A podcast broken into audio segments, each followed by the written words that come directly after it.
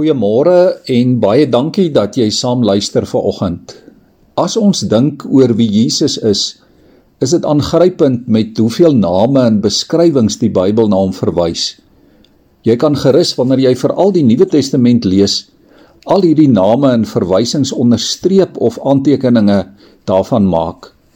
Kom ons lees vir oggend byvoorbeeld net 'n paar verse uit Kolossense 1 vanaf vers 15. Die opskrif daar is die voorrang van die seun. Die seun is die beeld van God, God wat self nie gesien kan word nie. Die seun is die eerste, verhewe bo die hele skepping. God het deur hom alles geskep wat in die hemel en op die aarde is. Voor alles was hy al daar en deur hom bly alles in stand. Hy is die hoof van die liggaam van die kerk. Hy is die oorsprong daarvan. Hy is die eerste die een wat uit die dood opgestaan het. Wat beteken dit vir ons dat Jesus die hoof is?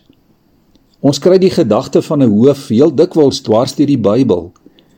Die man is die hoof van die vrou en die hoof van die man is Christus. Die leiers in Israel is ook hoofde genoem. En so was die oudstes, die regters, die konings ook sulke hoofde In Psalm 18 vers 43 dank Dawid vir God omdat hy die hoof van die volk is. Die hoof was dus die regerder, die leier, die een wat oor ander aangestel is. En nou sê die Bybel Christus is die hoof bo alle hoofde. Hy is die hoof van die bruid van sy kerk, maar hy is ook die hoof van die hele skepping. Hy regeer oor alle aardse regerders en aan hom behoort alle mag in die hemel en op die aarde. Die hoof is die setel van lewe van die hele liggaam. Kom ons dink aan 'n fisiese liggaam met 'n kop en ledemate. Die liggaam sien met die oë van die hoof en die liggaam hoor met die ore van die hoof. Die liggaam dink en regeer met die verstand van die hoof. Dis die hoof wat die arms en die bene en die liggaam laat reageer. En so is Christus die hoof van sy kerk en van sy lede. Hy is die hoof van sy liggaam en hierdie liggaam is klein kindertjies, jong mense, gesinne, individue, ouer mense, almal wat hom as verlosser aanneem. Mense uit baie lande en tale en kulture armes en rykes, gesondes en siekes, geleerdes en ongeleerdes, oues en jonges, mans en vroue. Deur die geloof het hulle almal een hoof, naamlik Christus Jesus. Uit hom groei die hele liggaam. Ja, uit en deur en tot hom is alle dinge. Die merkwaardigste is dat hierdie hoof van die hele skepping en vir elke lid van die liggaam moes sterf. Hy het gekom om alles en almal nuut te maak. Met sy bloed, ja, met sy lewe het hy mense losgekoop en skoon gewas. Hy het hom laat vasspyker aan 'n Romeinse kruis.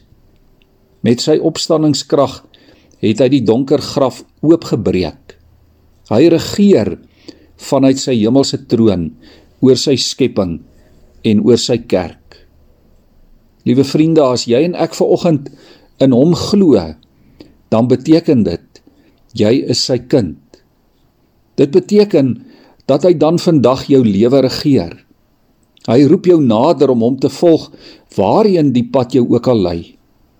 Waar die spore van die lewe dof geword het, nooi hy jou om net in sy voetspore te volg. Deur sy gees in jou word die steilste te pad gelyk en die donkerste tye word lig. Hy is die hoof en deur al die eeue hou hy wag oor al sy kinders.